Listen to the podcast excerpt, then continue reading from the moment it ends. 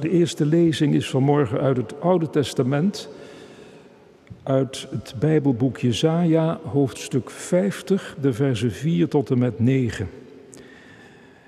En vers 4 lees ik u in een andere, een eigen, meer letterlijke vertaling. En vanaf vers 5 volg ik de vertaling van de, de nieuwe vertaling die op de liturgie staat. God de Heer heeft mij een tong gegeven als van een leerling, opdat ik de vermoeiden weet te antwoorden met een woord. Hij wekt mij in de morgen. In de morgen wekt hij mij het oor, opdat ik hoor als een leerling. God de Heer heeft mijn oor geopend en ik heb geen verzet geboden. Ik ben niet teruggedeinst. Ik heb mijn rug blootgesteld aan mijn folteraars. Wie mij de baard uittrokken, bood ik mijn wangen aan. Ik heb mijn gezicht niet verborgen toen ze mij beschimpten en bespuwden. God de Heer zal mij helpen. Daarom word ik niet gekwetst. En is mijn gezicht zo onbewogen als een rots, want ik weet dat ik niet beschaamd zal staan. Hij die mij rechtvaardigt, is nabij. Wie durft tegen mij een geding aan te spannen? Laten we samen voor het gerecht verschijnen. Wie is mijn tegenstander in deze zaak? Laat Hij mij tegemoet treden. God de Heer zal mij helpen. Wie zal mij dan veroordelen?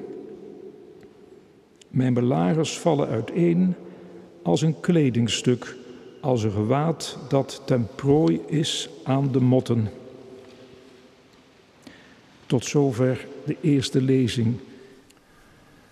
De tweede schriftlezing is uit het Nieuwe Testament, het Evangelie van Johannes, hoofdstuk 8, de versen 30 tot en met 32. Toen Jezus deze dingen zei, kwamen velen tot geloof in Hem. En tegen de Joden die in Hem geloofden, zei Jezus, Wanneer u bij mijn woord blijft, bent u werkelijk mijn leerlingen. U zult de waarheid kennen en de waarheid zal u bevrijden. Tot zover de lezing van de Heilige Schrift. De tekst voor de prediking is Jesaja 50, vers 4. God de Heer heeft mij een tong gegeven als van een leerling, opdat ik de vermoeiden weet te antwoorden met een woord. Hij wekt mij in de morgen, in de morgen wekt Hij mij het oor opdat ik hoor als een leerling. Gemeente van Christus, wij leven in een wereld waarin mensen snel hun mond open doen. We zijn snel geprikkeld. Onze woede wordt snel gewekt. Of onze angst of onze wanhoop of onze haat. En wat zo geprikkeld wordt, dat moet er dan uit. En wat er dan uitkomt, dat kan door de sociale media eindeloos worden versterkt. Oorverdovend. Er gaat een stroom over je heen, zo luid en zo vaak, dat we vaak niet eens meer horen wat er eigenlijk precies wordt gezegd. Die constante opgewonden stroom kan ons doof maken. We raken verdoofd. Gelukkig hoor je soms een goed woord van iemand die in het openbaar haar liefde uitspreekt voor Jezus en haar medemensen, haar hoop haar blijdschap, haar levensmoed. Uitzonderlijk is dat. Maar oh, wat maak je jezelf kwetsbaar als je je zo uitspreekt. Voor je het weet, word je neergesabeld en weggehoond. Onze tekst gaat over spreken. Het goede spreken. Het spreken van een leerling. En omdat het gaat om het goede spreken, gaat het om het horen. Want het goede spreken volgt altijd uit het goede horen. Elk goed woord is een nieuw woord dat geboren is uit een nieuw horen. De Heere God heeft mij het oor gewekt en geopend om te spreken als een leerling.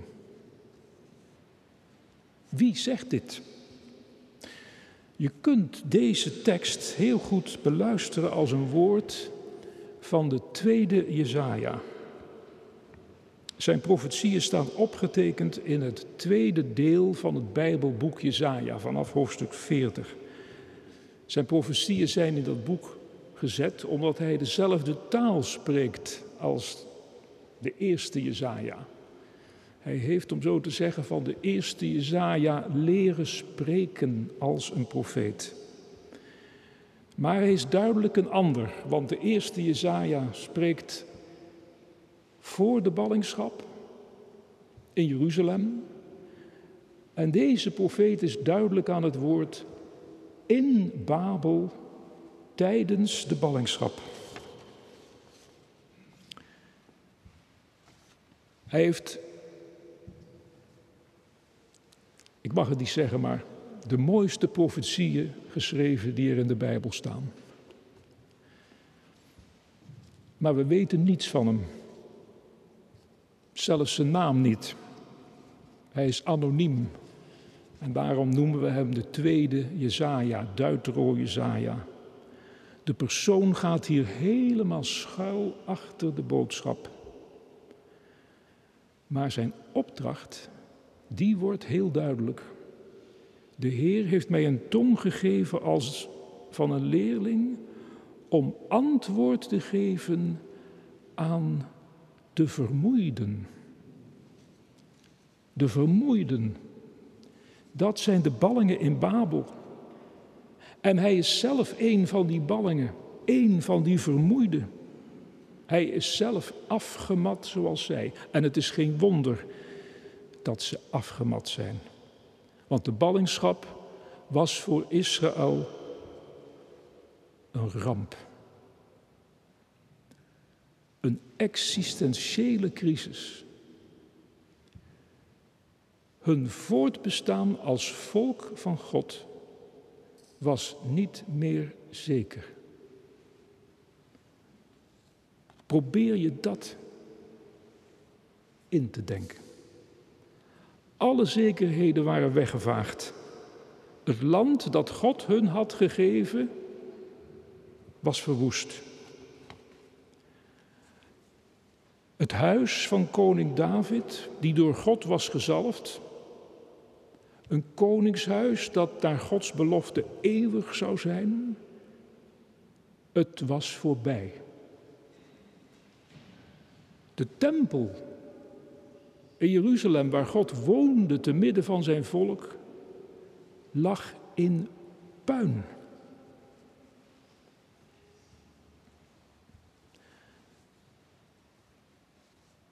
Het is als die beelden van het vernietigde Beirut. En dan nog veel erger. We kunnen het ons nauwelijks voorstellen. Wij hebben het als gemeente moeilijk in deze coronatijd.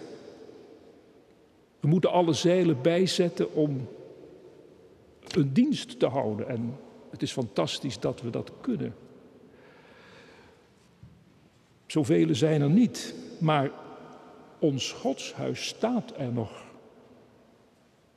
En uit dit huis klinkt nog elke nieuwe week een woord hier en op het internet. Ook dat wordt daar versterkt.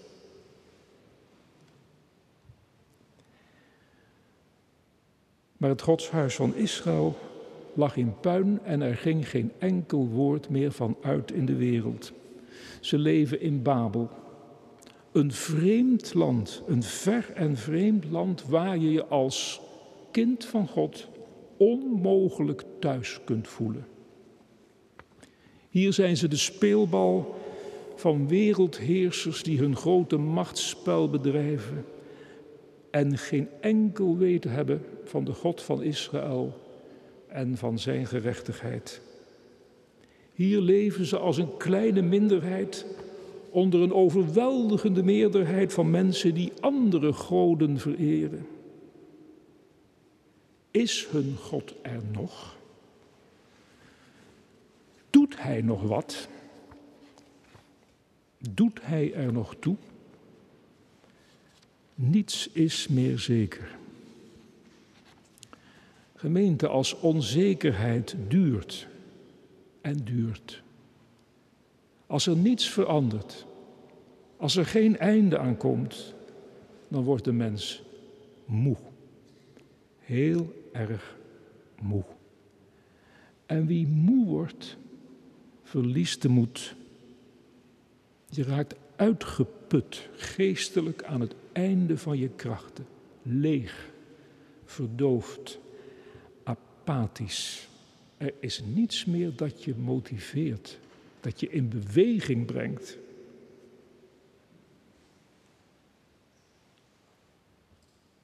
Kunnen wij als gemeente van Christus ook niet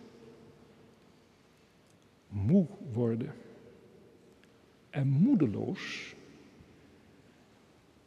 van die vreemde wereld waarin wij leven?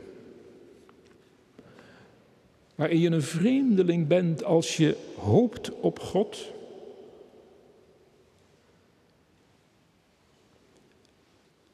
Met de wereldheersers die alleen denken aan hun eigen macht en hun volk aan hun lot overlaten.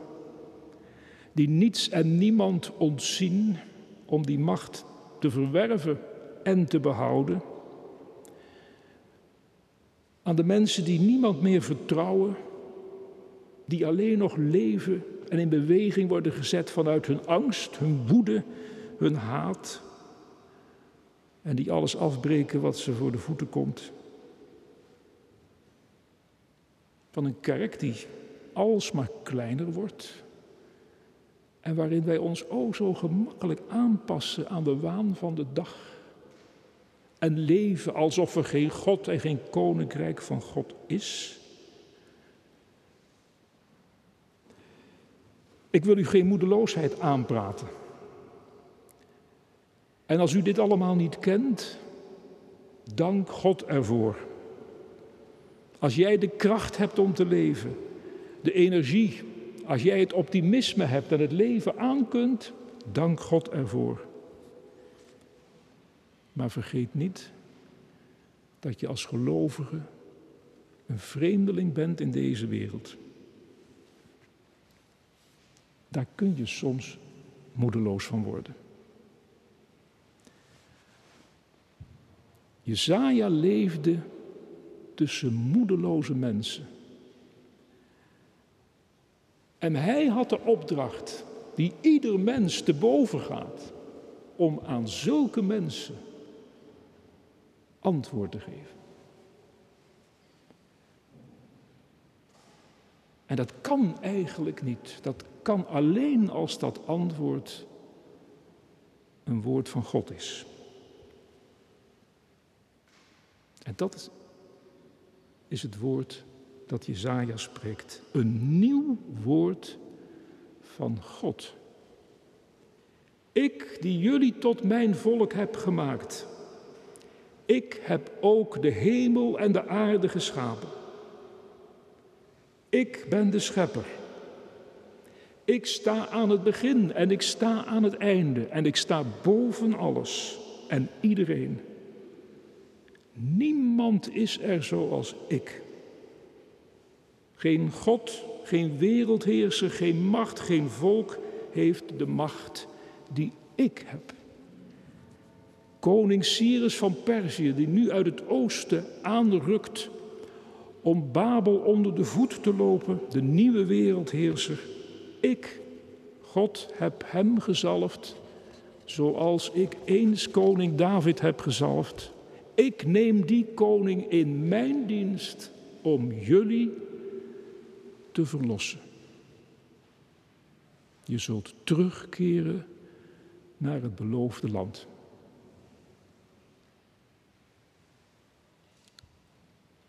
Korte samenvatting van al die andere teksten van de profeet Jezaja die ik niet gelezen heb. Maar dit is zijn boodschap. Een ongekend nieuw begin. De schepper is ook de verlosser. Als zijn volk in Babel aan het einde is gekomen, maakt hij een nieuw begin. Er is geen enkele situatie in deze wereld waarin Hij niet een nieuw begin kan maken. En deze blijde boodschap wordt niet met gejuich ontvangen.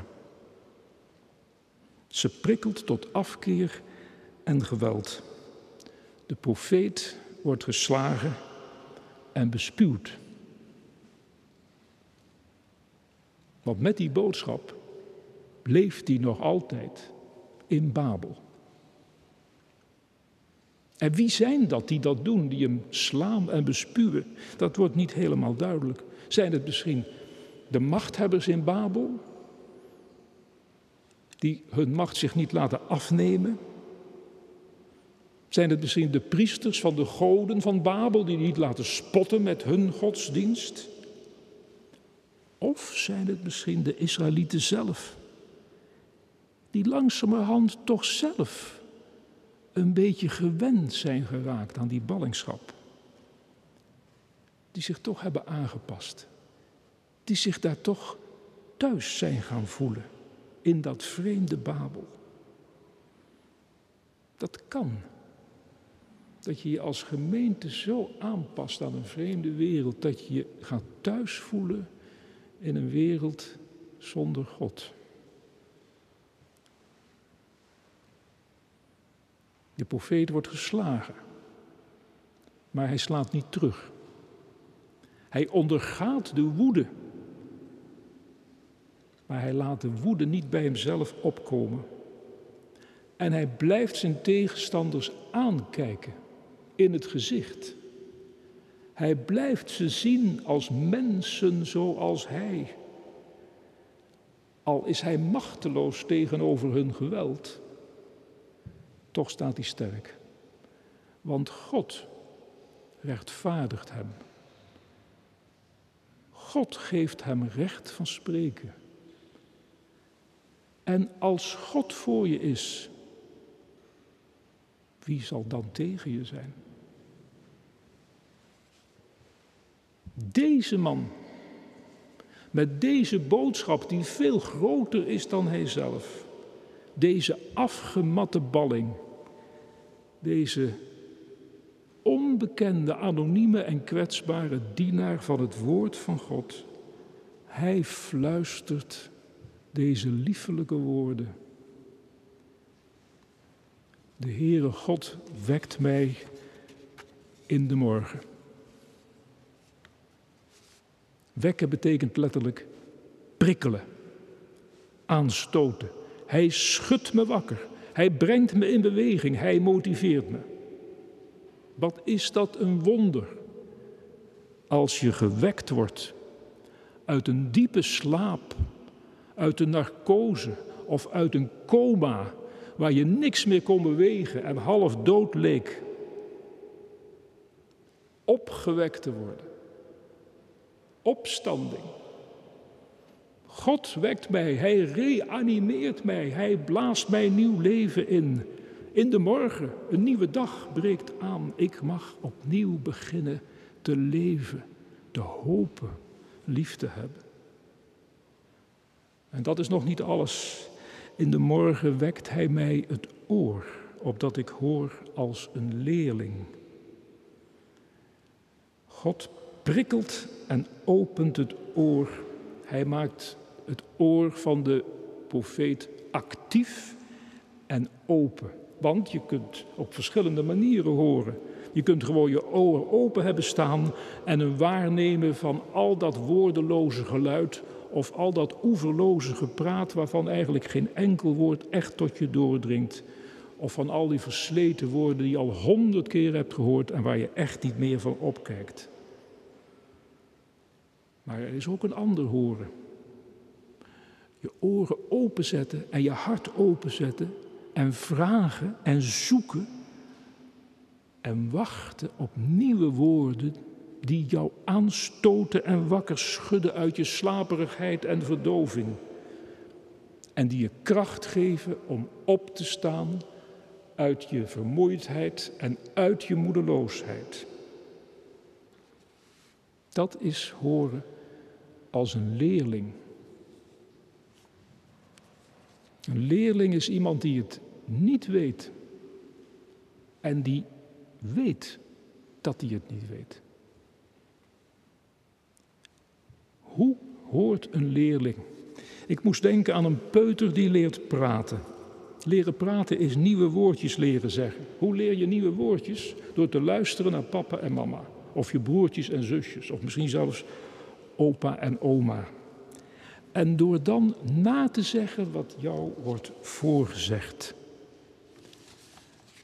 En wanneer je dan die woorden die je eindeloos hebt gehoord, dan ineens zelf voor het eerst kunt zeggen,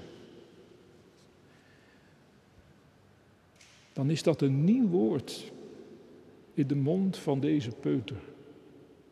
En een nieuw begin, een klein wonder. Maar er is ook een verschil tussen het leren van een peuter en het leren van een profeet. Want als dat kind eenmaal heeft leren praten en alle woordjes van papa en mama kent, heeft het papa en mama niet meer nodig om te praten. Dan kan het zelf die woordjes zeggen. Dan kan het zijn mond open doen zonder nog zijn oren te hoeven open doen. En als je dat kunt, spreken zonder te luisteren, dan ben je geen leerling meer. En dat is nou precies wat de profeet niet kan. Spreken zonder te luisteren.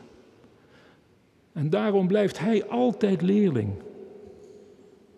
Hij is niet alleen een leerling als hij hoort, hij is ook een leerling als hij spreekt. Ook als hij spreekt, houdt hij zijn oren open voor de nieuwe woorden van God.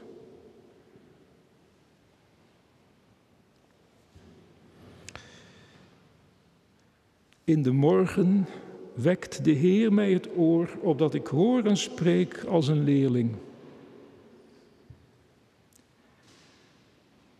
Wat is dit een prachtig woord. En wat een diep woord. En wat een goed woord. En wat een vreemd woord. In een wereld waarin, zo, waarin onze mond zoveel sneller wordt geprikkeld dan ons oor. En nu de vraag. Kunnen wij dit woord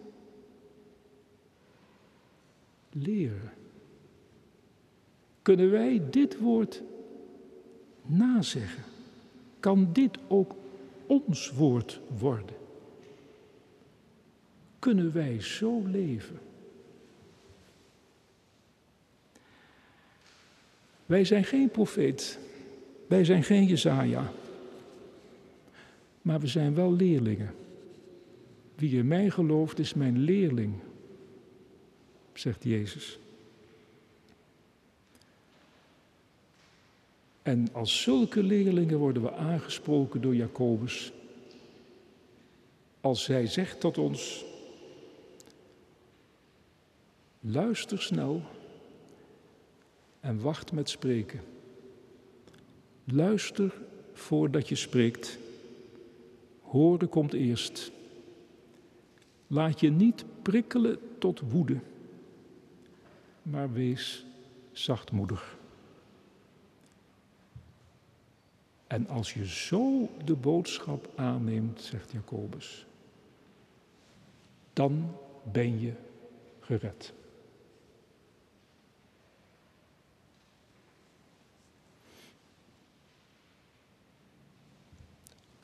Amen.